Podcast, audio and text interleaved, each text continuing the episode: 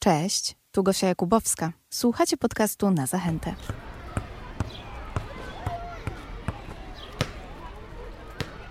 Kiedy ostatnio przeżyłaś katarzis?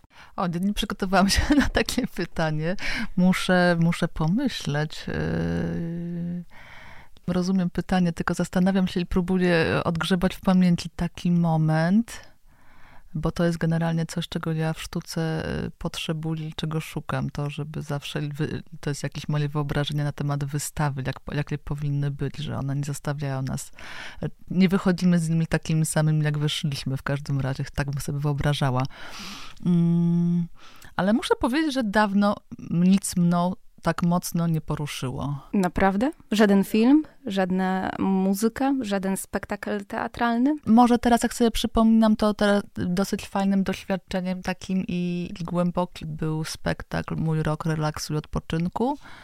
Ale chyba na wystawie dawno nie byłam takiej, która by mnie jakoś mocno mną wstrząsnęła, czy jakichś dostarczyła przeżyć mocnych. Ja ostatnio przeżyłam katarzis podczas oglądania filmu Duchy Inisherin.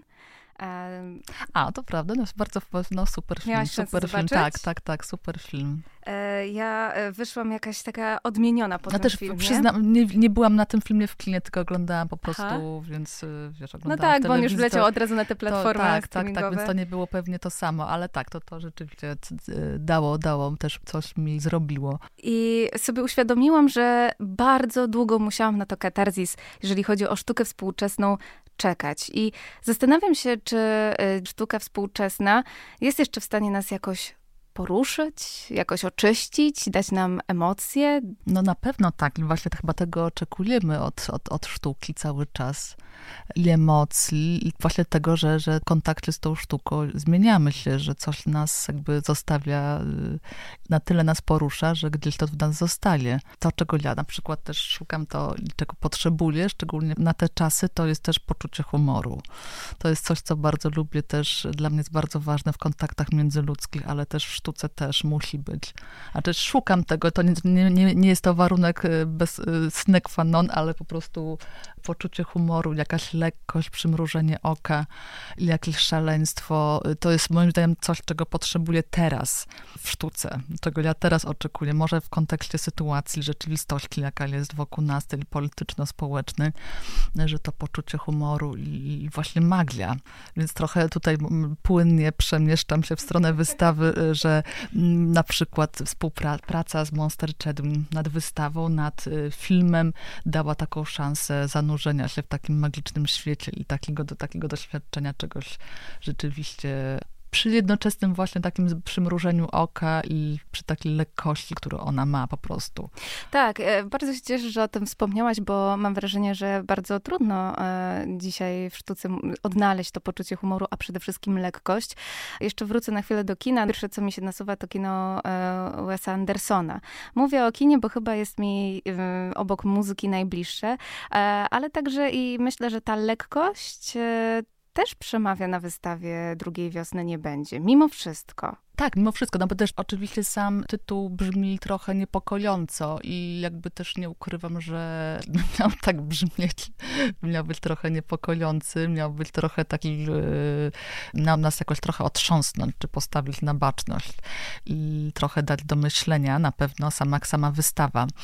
Tutaj y, mały, mały wtręt, bo mówiąc, y, cytując jakby tytuł wystawy, też przypominam sobie też o osobach, z którymi bardzo blisko współpracowałam, współpracowałam przy tej wystawie. Tutaj chcę, żeby padło nazwisko Julii Haraszymowicz, która jest y, specjalistką, badaczką, jedną takich teraz w Polsce ważną, młodą, ale ważną badaczką y, tematu dzieciństwa, w ogóle w, tym, w szczególności w tym okresie międzywojnia i też między innymi postać Franca Ciszka, tych pierwszych wystaw sztuki dziecięcej i percepcji sztuki dziecięcej w tym okresie międzywojennym, to jest temat jej badań, więc tutaj się spotkały nasze zainteresowania. Ale wracając do tytułu, on jest taki y, trochę, groźny, trochę niepokojący, ale z drugiej strony jakby ta sztuka pokazywana na, na wystawie te działania podszyte są, nie, nie mówię, że wszystkie prace, ale też podszyte pewnym poczuciem, poczuciem humoru i lekkością i to Mówię szczególnie o, o Monster Chedwin, bo Akademia Pana Kleksa to jest po prostu niewyczerpane dla mnie źródło, w ogóle ta książka po prostu.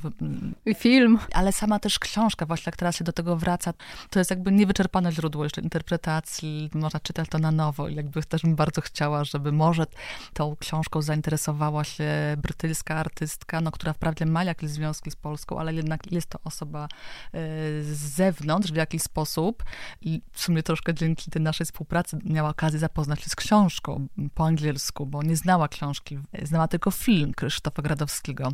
No więc myślę, że byłoby super, że to jest jakieś moje marzenie też, żeby to przy tej okazji tak, ta no chyba jedna z najbardziej niezwykłych książek dla dzieci w historii literatury y, polskiej, dziecięcej, mm, weszła w jakiś taki obieg międzynarodowy i to byłoby, bo zasługuje na to. Chciałabym zrobić trochę wokół tego, żeby dużo się, dużo się działo. Ale zanim przejdziemy do tego, y, to jeszcze może ja wrócę do Katarzis, od którego zaczęłyśmy nasze y, dzisiejsze spotkanie. Też jest tutaj ten wątek tego, że sztuka nam właśnie pomaga się oczyścić z emocji. I te dzieci, które mm, też tworzą sztukę, mogą te katarzis przeżyć. Tylko, że oczywiście na inny sposób, na swój sposób i nie będą tego aż tak świadome. Właśnie, to, na pewno to jest jeden z jakichś wątków na wystawie. Trochę ten wątek jest poruszony, części poświęconej artystce, na takiej wyjątkowej postaci Friedricher Brandeis, czyli ten wątek związany z takim, no, nazwijmy to szeroko rozumianym terapeutycznym y, aspektem w ogóle sztuki, twórczości, terapeutyczną funkcją. Ten wątek wykorzystania sztuki w ogóle w pracy pedagogicznej z dziećmi, ale także właśnie z przepracowywaniu różnego rodzaju traum jedna z naszych tak bohaterek wystawy, Friedrich Branda, działała w skrajnych okolicznościach. Jakby ona prowadziła te zajęcia dla dzieci żydowskich w, w Terezinie, e, czyli właśnie dla dzieci, które cały czas obcowały z poczuciem jakby, no, z taką bliskości śmierci, takim ciągłym poczuciu zagrożenia, też e, odczłowieczenia, to co jakby czego one doświadczały, to takie odczło, podwójne odczłowieczenie, które spotykało je jako dzieci, do dzieci, dzieci żydowskie. Wydaje mi się, że też w tych działaniach y, Friedricha Brandeis ujawnia się taka niezwykła potęga sztuki. To jest coś, co tak przywraca nam wiarę w tę sztukę.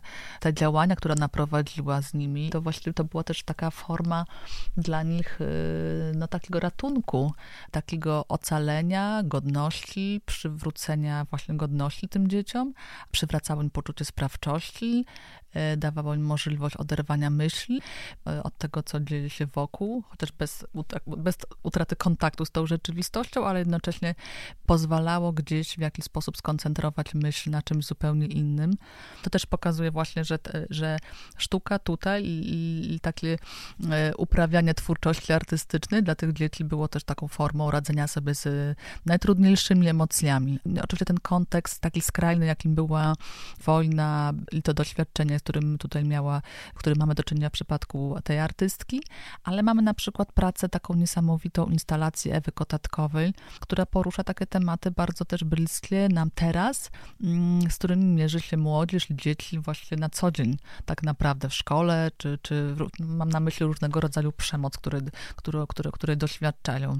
Sztuka i artyści podsuwają jakieś narzędzia, radzenia sobie z tymi e, różnymi bardzo trudnymi emocjami, trudnymi sytuacjami. Taką funkcję na pewno też e, ważną pełną, pełni teatr, różne działania teatralne, które będą służyły i służą właśnie radzeniu sobie na przykład z przemocą w różnych sytuacjach, też będą częścią naszego programu, więc to jest, no wydaje się, że po prostu chyba to jest tak, taka odpowiedź na tej wystawie gdzieś, która się pojawia, że no, sztuka daje nam y, y, odpowiedź daje nam narzędzia, które być może lepiej niż jakiekolwiek inne obszary wiedzy, nauki pozwalają radzić sobie z różnymi sytuacjami takimi życiowymi y, dzieciom na przykład, czy młodym ludziom. Jak sami słyszymy, na wystawie się bardzo dużo dzieje, też jest poruszonych bardzo e, dużo wątków e, w kontekście oczywiście sztuki, która pomaga w edukacji i która jest elementem tak na dobrą sprawę edukacji.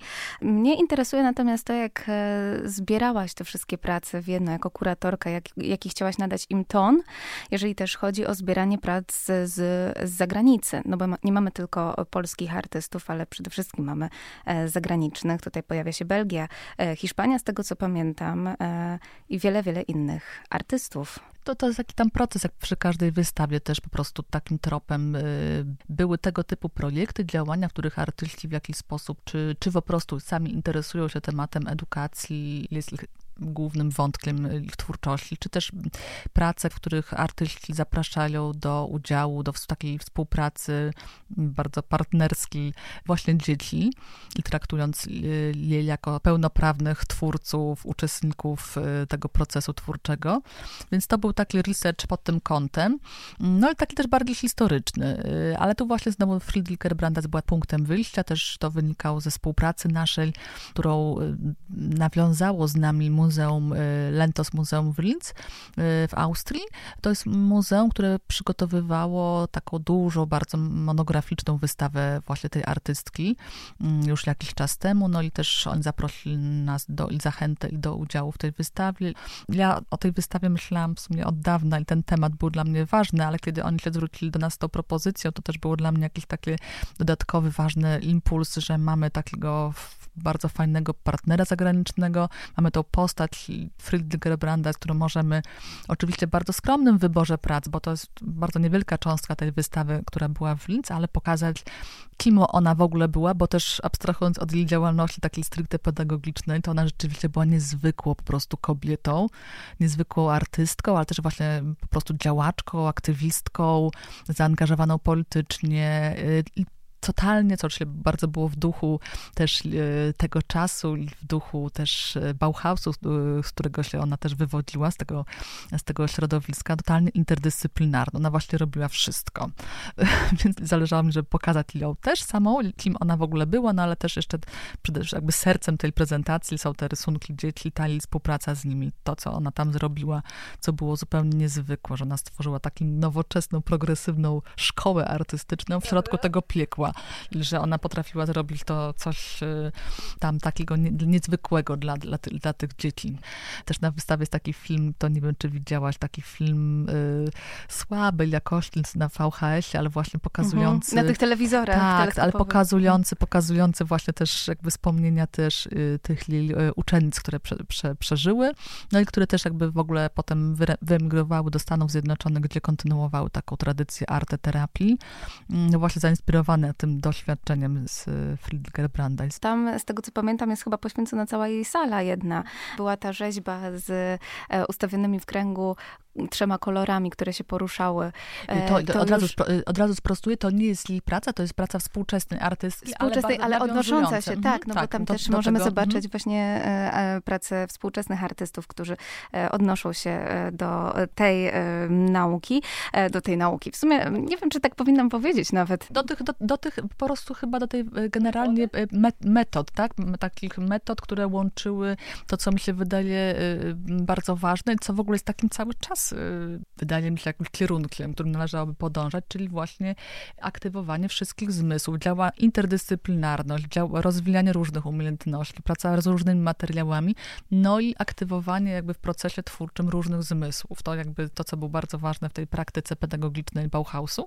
No ale to jest też coś, co jakby cały czas ma swoją długą kontynuację miało kontynuację w różnych działaniach na przestrzeni całego XX wieku, jednak na, w, w, działaniach artystów, którzy świadomie y, nawiązywali do, do osiągnięć Bauhausu. Na pewno był jakiś klucz, którym się e, posługiwałaś jako kuratorka. No oczywiście to jest też tak, że przy tak szerokim temacie to y, zawsze jest to poczucie, że można byłoby, po pierwsze, wystawa mogła być trzy razy większa, że można było pracować na nią kolejne lata. Po prostu zawsze to towarzyszy, że ten moment jest, kiedy się trzeba mm, po prostu budować y, taką, y, a nie inną opowieść w tej konkretnie przestrzeni, jaką mamy do dyspozycji, tak żeby to się czytało i tak żeby, żeby to jednak była jakaś w miarę ciągła opowieść, żeby pewne wątki w jaki, były w jakiś sposób w dialogu ze sobą, mm, więc po prostu siłą rzeczy pewne rzeczy trzeba było już, czy pewne dalsze poszukiwania odciąć. Ale to, co mi się wydawało ważne, to z jednej strony mamy ten kontekst historyczny i to jest y, mm, jakby idąc od końca wystawy, jakby taki kontekst dla działań chociażby tej Friedricher Brandeis, sięgamy do początku, czy lat 18 XX wieku i przyglądamy się pewnym właśnie bardzo takim progresywnym działaniom, y, praktykom artystów, chociażby wywodzącym się z Bauhausu, ale nie tylko. Potem pokazujemy taki kontekst już y, na przestrzeni całego XX wieku rozmaitych nawiązań do pewnych ich, y, ich działań i takich działań, które też y, były podejmowane w bardzo różnych okolicznościach znowu, bo na przywołujemy artystów, którzy działali mm, w ramach systemu y, i takiego edukacyjnego i politycznego przede wszystkim w krajach bloku wschodniego, ale mimo wszystko próbują jakoś ten system rozwalić, mówiąc brzydko, od, od środka. Przywołuję parę takich postaci kluczowych w ogóle dla nowoczesnych nowoczesnego takiego myślenia w ogóle o, o dziecku, o, mm, o edukacji. To, to, to jest ten taki nurt y, jakby w, progresywny, jeżeli chodzi o we Francji, czyli ten cały nurt y, szkół Frenet, założonych przez y, Celestyna i Elizy Frenetów. I to jest też jakaś bardzo długa i ważna tradycja takiego no, bardzo nowoczesnego, alternatywnego myślenia edukacji, bez podręczników, właśnie opartego na eksperymentach, na rozwijaniu y, kreatywności, różnych form ekspresji. Mm, z drugiej strony tak, taką postacią, którą ja bardzo chciałam przywołać, bo wydała mi się dosyć stosunkowo nieznana, jeżeli chodzi o, o Polskę. We Francji znana, ale tutaj wydaje mi się, że zupełnie nie, a, a warta też przywołania jako tak, ze względu na takie pionierskie zupełnie myślenie i podejście do pracy z dziećmi, czy młodymi ludźmi generalnie z po prostu z różnych powodów zepchniętych na margines.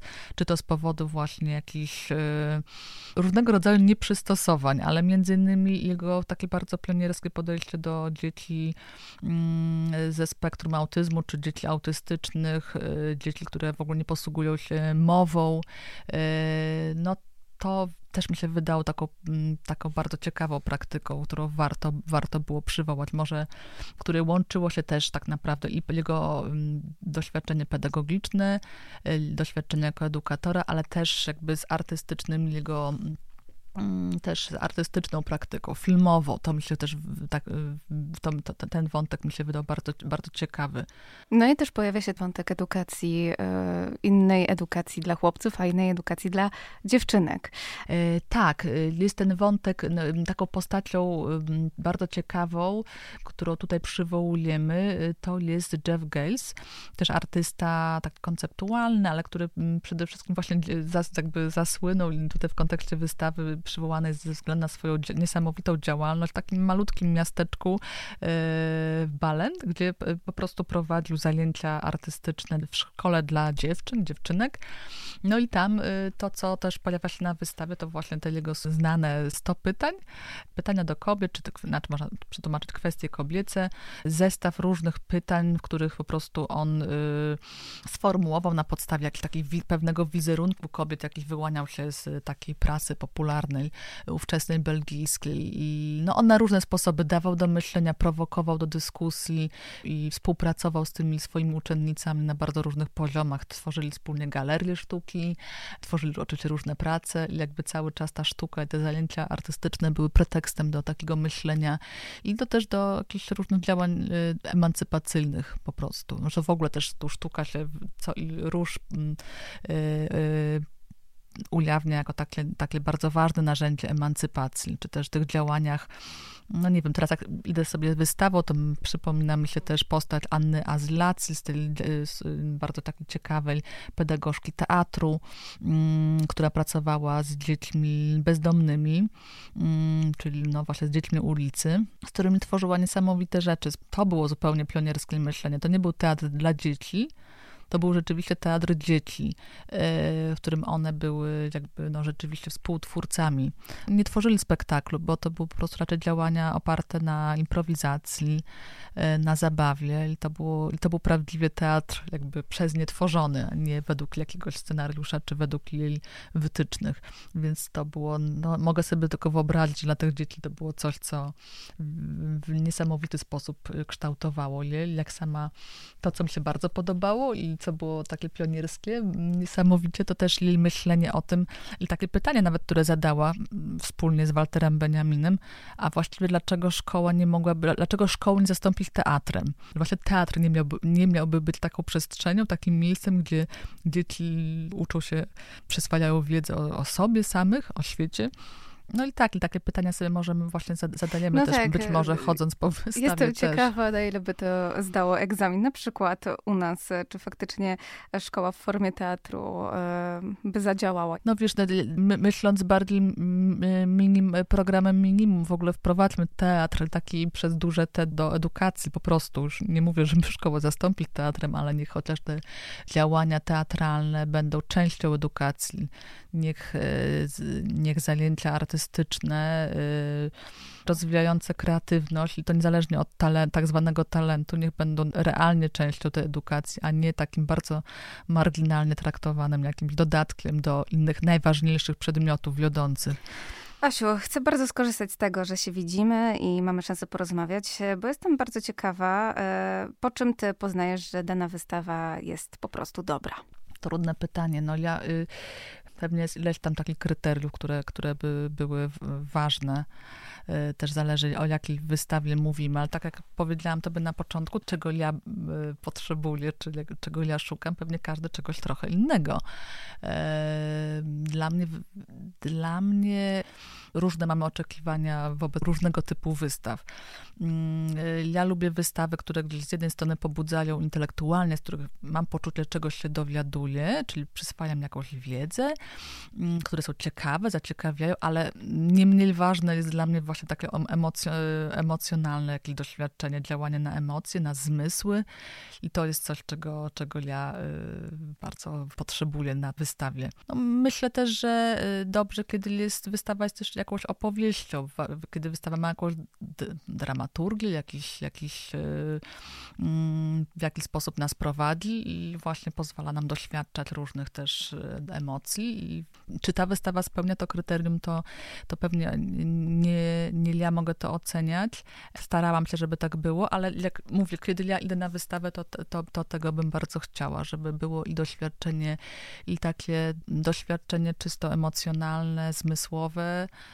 nie mniej ważne jest od tego, czego się dowiadujemy, od tego takiego czysto intelektualnego przeżycia. Jestem ciekawa, co e, pomyślisz o tym, co za chwilę powiem, bo e, sobie uświadomiłam, że ta wystawa ma dużo wspólnego z twoją pracą, bo ty jako kuratorka musisz zadbać o to, aby wyedukować widza, w cudzysłowie, odbiorcę e, w konkretnym temacie, albo przybliżyć chociaż, zachęcić go do refleksji na dany temat. No, tutaj chodzi o to, aby ta sztuka działała na widza. Ty musisz tak to opakować, aby przekaz był po prostu jasny. E, tak samo ta wystawa jest o edukacji poprzez sztukę. Przekaz ma być jasny, ale nie, nie musi być podany dosłowny. dosłowny. Mm, to znaczy, no właśnie, tak zawsze zakładam, zakładam i liczę na, na tego naszego widza. Uważam, że też my zawsze powinniśmy jednak pod, podwyższać poprzeczkę. To znaczy też nie zakładać, że wszyscy wszystko wiedzą, ale jeżeli wszyscy wszystkiego nie wiedzą, no to w takim razie wystawę zawsze, zawsze mówię, każdy niezależnie od wieku wystawę może po prostu oglądać i, do, i doświadczać na różnym poziomie. W tym sensie myślę, że ta wystawa też jest jakby, ona na pewno jest wystawą z przekazem dla dorosłych, dla nas, ale mam nadzieję, że ona też dla osób y, w różnym wieku, od czterech do tam mówię, do, do 15 lat, jest też takim, może być ciekawa z innych powodów, z bardzo różnych powodów. Więc tak jak każdy z nas, nawet dorosłych, ogląda wystawę inaczej, tak też pewnie no, każdy z, z, odbiorców, niezależnie od wieku, czy to właśnie z 4 lata, czy pewnej wiedzy, nawet ktoś może nie posiadać, ale doświadcza ją, idzie swoim jakimś własną ścieżką. Też to jest jakiś pomysł nasz na oglądanie tej wystawy. Też chcemy przygotować takie przewodniki, audioprzewodniki, które byłyby nagrywane przez różne osoby w różnym, bardzo w różnym wieku, w różnych kategoriach wiekowych, właśnie żeby zobaczyć trochę tę wystawę, tę pracę, a może nie pracę, a może właśnie coś jeszcze innego w przestrzeni wystawy. Coś tam urodzi. E, właśnie przez bardzo, jak to jest odbierane przez różne, różne osoby. Bardzo mi się podobała na wystawie sala, do której za każdym razem wracam myślami, jak o niej rozmawiamy. A rozmawiamy, przypominam, o wystawie drugiej wiosny nie będzie. Do sali, gdzie jest e, przewrócona ławka szkolna, a wszystkie krzesła, e, które do tych ławek byśmy mogli podsunąć, e, są też w jakiejś anarchii i są porozrzucone po całej e, sali. To mi się podoba ze względu na to, że mm, przypomina mi taki bunt trochę nastoletni, gdzie mazaliśmy po tych ławkach, a tutaj mamy piękne rysunki.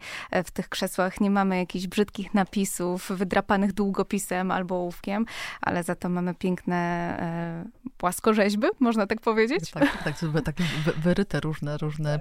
Tak, to w sumie tą instalację to można pewnie też czytać na, na ileś tam sposobów i fajnie dla mnie, że ona się znalazła tak trochę w sercu wystawy, mm -hmm. na mhm. przecięciu różnych, różnych tam, różnych ścieżek. Po pierwsze, ona też historycznie ciekawie nawiązuje do takiej najstarszej, jakby naj, naj, najbardziej odległej w historii postaci. Yy, ciekawe, jeśli chodzi w ogóle o taką nowoczesną edukację, do twórcy właśnie szkoły nowoczesnej, katalońskiego, też to jak mówię o pewnej anarchii, no to, to, to jest rzeczywiście nawiązanie do, do działalności katalońskiego an, takiego anarchisty i edukatora yy, Frances yy, Ferrero Guardia który stworzył szkołę, która była taką rzeczywiście wtedy bardzo progresywną, bo ona była i koedukacyjna i przede wszystkim to, co było głównym jej celem, to wychowanie takich, kształtowanie takich postaw obywatelskich i pewnych takich radykalnych poglądów y, społecznych. Tak rozumiał rolę, rolę szkoły, że to przede wszystkim jest przygotowanie do życia jakby społecznego. No i też to była świecka edukacja.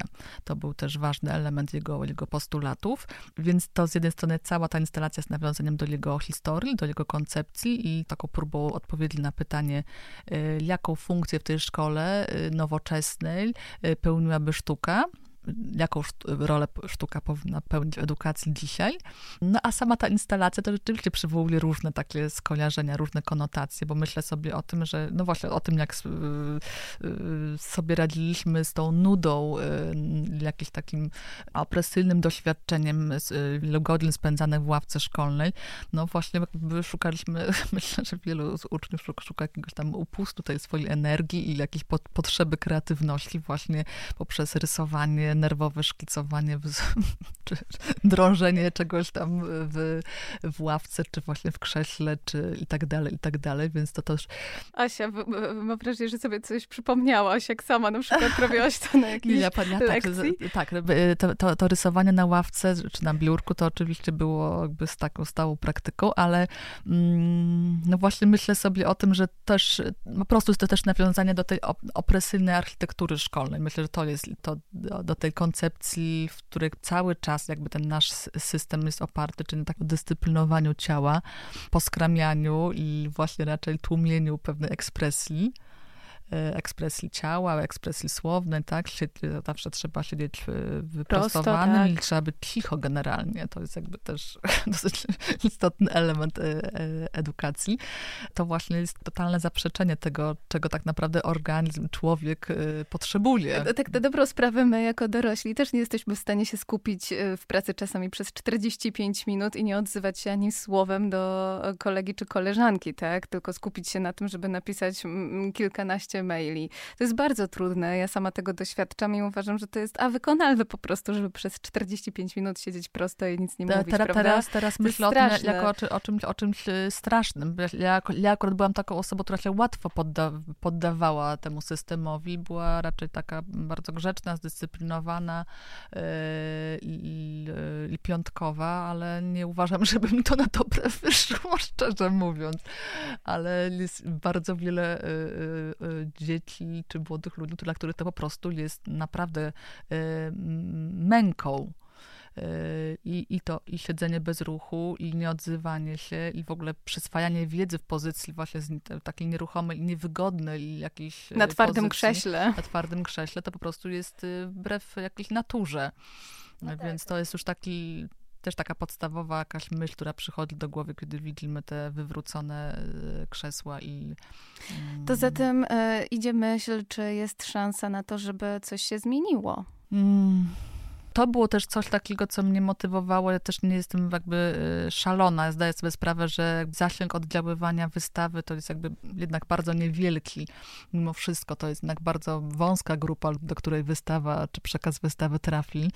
Mm, nie mam aż takiej tutaj mocy, e, ale gdzieś mi ta myśl przyświecała o tym, że trzeba to zrobić, że nawet jeśli nie będzie miał to aż tak wielkiego zasięgu, to y, gdzieś sprowokuje, czy będzie to punkt wyjścia do różnych dyskusji, spotkań, rozmów. Y, no generalnie, że w tym momencie, w jakim jesteśmy, jedyne, co możemy robić, to są te działa rozmaite działania oddolne małe gesty, no bo chyba te, na tej zasadzie w tym momencie nie ode mnie zależy, jakby jak będzie wyglądał cały system edukacji, ale możemy robić takie działania, po pierwsze możemy próbować wypracowywać jakieś działania czy programy, które będą powoli może będą, zaczną się pojawiać w szkołach na przykład. To są takie działania oddolne właśnie.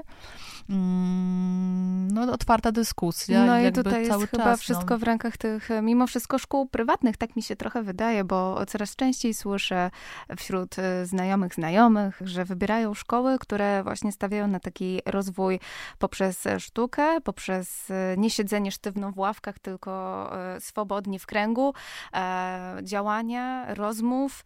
I mam wrażenie, że to się staje pewnego rodzaju luksusem, bo do, no za jest to, to luksus i to, zapłacić. I to, i to właśnie tak? mnie martwi, yy, i to mnie właśnie martwi, że niestety jest to, yy, tak jak szkoły Montessori, no to jest, yy, to jest niestety luksus, który jest zarezerwowany dla, dla jednak wo bardzo wąskiej grupy, dla elity. Jakby nie, to nie jest rozwiązanie, prawda? Jakby to, na, to marzyłoby się jednak demokratyczny dostęp do edukacji takiej prawdziwie nowoczesnej. Ta przepaść, właśnie ta taka ekonomiczna przepaść między, między szkołami, między tymi dziećmi, które uczęszczają do szkół państwowych, które mają jakby cały czas tkwią w systemie XIX-wiecznym, powiedzmy sobie to szczerze. Tak ten system wygląda szkolny. On jest cały czas oparty na XIX-wiecznej hierarchii przedmiotów i hierarchii w ogóle. A z drugiej strony mamy szkoły prywatne, często bardzo, bardzo drogie i niedostępne po prostu dla, ze względów finansowych dla, dla większości, których rzeczywiście te pewne alternatywne koncepcje są realizowane, ale no nie o to Bo chodzi. o co nam tak? chodzi? Nam nie chodzi o to, żeby to były zajęcia dodatkowe, gdzie dziecko może się rozwijać, tylko żeby właśnie e, w szkołach był jakiś program, dzięki któremu byśmy mogli rozwijać tą młodzież i te dzieci. No ja myślę, że ten program powinien być całkowicie zreformowany i całkowicie zmieniony. Jakby to musi być program, który dostosowuje się do, próbuje nadgonić tą rzeczywistość bo jesteśmy daleko jakby za tą rzeczywistością, prawda? Nie, nie, ten y, system szkolny, tak jak on wygląda teraz, po prostu do, do tej rzeczywistości nijak y, nie przystaje. Przed nami jeszcze działania towarzyszące całej wystawie. I tutaj mm, podekscytowana tak, już, była.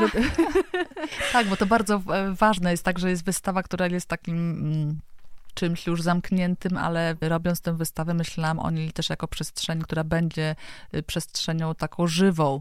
E, I chyba no, trochę tutaj y, y, przysporzyliśmy sobie dużo pracy i, i cały dział edukacji bardzo dzielnie tutaj nad się w to angażuje, w ten program, ale on jest bardzo intensywny i, i myślę, że będzie się działo mnóstwo warsztatów. No głównie one są nakierowane na tych najmłodszych, młodszych, o ile wystawa sama w sobie, mówię, jest przede wszystkim ma taki przekaz dla dorosłych i ma dorosłych skłon do, do myślenia, to rozmaite działania z artystami, najbliższe z Olivią Plender, z y, taką szwedzko-brytyjską artystką, y, czy Sebastianem Ronsere, filmowe warsztaty, działania na starych taśmach filmowych, czy z Jenny Brockman, też w przyszłym tygodniu. Ten przyszły, przyszły tydzień będzie bardzo intensywny, bo też mamy konferencję. Konferencja naukowa to dla dorosłych bardziej, ale jednocześnie mamy działania wszystkie wszystkie wokół. Mamy też na pewno dwa bardzo fajne wydarzenia w trakcie trwania wystawy. To są dwie takie grupy, dwa kolektywy artystyczne z Rumunii, Mintremu i e, hiszpański kolektyw Pedagogikas Invisibilas, których rozprowadzamy dzięki Instytutowi Cervantesa i to będą wspaniałe warsztaty dla dzieci różnych, też między innymi dla dzieci ze spektrum autyzmu. Oba kolektywy to są rzeczywiście artyści, którzy działają po prostu na polu edukacji, to jest taki główny ich, główny ich obszar więc y, zobaczymy, co przygotują też dla, tych, dla, dla nas tutaj na wystawie.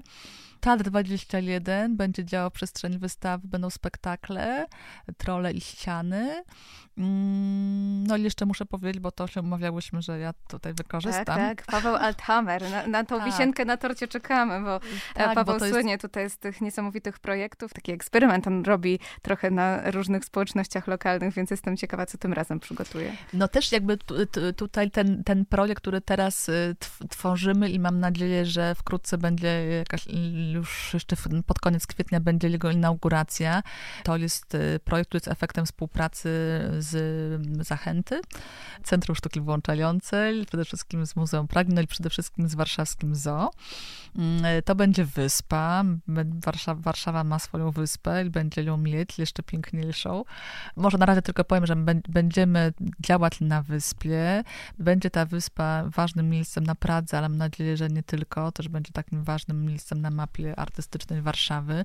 Miejscem wytchnienia, miejscem odpoczynku, miejscem ciszy, medytacji, skupienia, ale też rozmaitych działań, hmm, chociażby wokół y, takich innych mm, form niewerbalnej komunikacji. Będziemy uczyć się języka migowego na przykład i wiele, wiele innych działań. Więc to będą też takie roz, rozmaite e, aktywności daleko poza przestrzenią zachęty, ale w jakiś sposób do, do, do tematyki wystawy też e, nawiązujące. To na pewno będzie jakby głównie maj, czerwiec. Miejmy nadzieję, że też lipiec ale tak, jest taka przestrzeń się nowa otwiera. Trochę magiczna. Czym dla ciebie jest wystawa drugiej wiosny nie będzie? Już kończąc powoli nasze dzisiejsze spotkanie, bo mm, do tej pory e, właśnie mm, sztuka XX wieku, okres e, powojenny, e, tutaj malarstwo Andrzeja Wrublewskiego w szczególności. No a tutaj pojawia się wątek edukacyjny, wątek dziecięcy. Ten wątek dziecięcy na pewno się też pojawia przy innych wystawach. Na przykład była taka wystawa Przyszłość będzie inna, to była wystawa dotycząca głównie takich postępowych idei e, społecznych, artystycznych, które się rodziły w dwudziestoleciu międzywojennym w Polsce. No i oczywiście tam siłą rzeczy ta nowoczesna pedagogika to był też e, bardzo ważny wątek na tej wystawie. No I to też jakby w, paru, w paru innych y, wystawach też się, też się przewijało. Była wystawa dotycząca teatru lalkowego i w ogóle właśnie wykorzystania lalki też jako narzędzia mm, pedagogicznego, czy narzędzia edukacji, mm, czy wystawa związana z jakby taką ideą ludowości, też takich y, działań artystów nawiązujących do sztuki dziecka, mm, rozumiane jako tak sztuki innego. To z jednej strony są takie zainteresowania z obszaru historii sztuki, sztuki, historii kultury, ale z drugiej strony jest też taka po prostu, jest życie. Wystawy też wypływają z potrzeby po prostu jakichś własnych potrzeb własnych doświadczeń. I chyba wtedy, wtedy one są takie bardzo prawdziwe i szczere. Więc ta wystawa też jest efektem różnych moich doświadczeń jako mamy, jako, y, która się mierzy też z tym systemem edukacji i nie zawsze z sukcesem. to jest efektem jakiegoś takiego bardzo trudnego doświadczenia z dzieckiem, które jest może trochę inne, nie, niełatwo się wpisuje w jakiś schemat, y, niełatwo się poddaje systemowi, jest trochę takim Adasiem niezgódką. Moje doświadczenie jako mamy Adasia Niezgódki też mnie skłoniło do zainteresowania się takim tematem. Bardzo jest mi to wszystko, y, wiele z tych wątków jest po prostu mi osobiście bardzo bliskich na tej wystawie. I stworzenia między innymi tej wielgachnej rzeźby i filmu tak, tak, nawiązującego no to jest w ogóle ukochane, ukochane dziecko. E, no to cóż, e, katarzis poczułaś jako kuratorka w takim razie tworząc e, tę wystawę? No myślę, że to było naprawdę wyjątkowo, wyjątkowe doświadczenie. To tak nie, chyba ważniejsze niż różne dotychczasowe, bo to właśnie było w tym coś wspaniałe doświadczenie pracy nad filmem. No i to, to rzeczywiście takie poczucie, że sztuka jest ratunkiem. w najgorszych jakichś różnych sytuacjach to to, to sztuka jest ratunkiem. I przepisem na wszelkie zło. Joanna e, Kordiak, e, historyczka sztuki, kuratorka w Zachęcie Narodowej Galerii Sztuki była dzisiaj z nami. Bardzo dziękuję za tę rozmowę. Dziękuję. No i oczywiście nie muszę chyba zachęcać do tego, żeby odwiedzić Zachętę i zobaczyć wystawę drugiej wiosny. Nie będzie.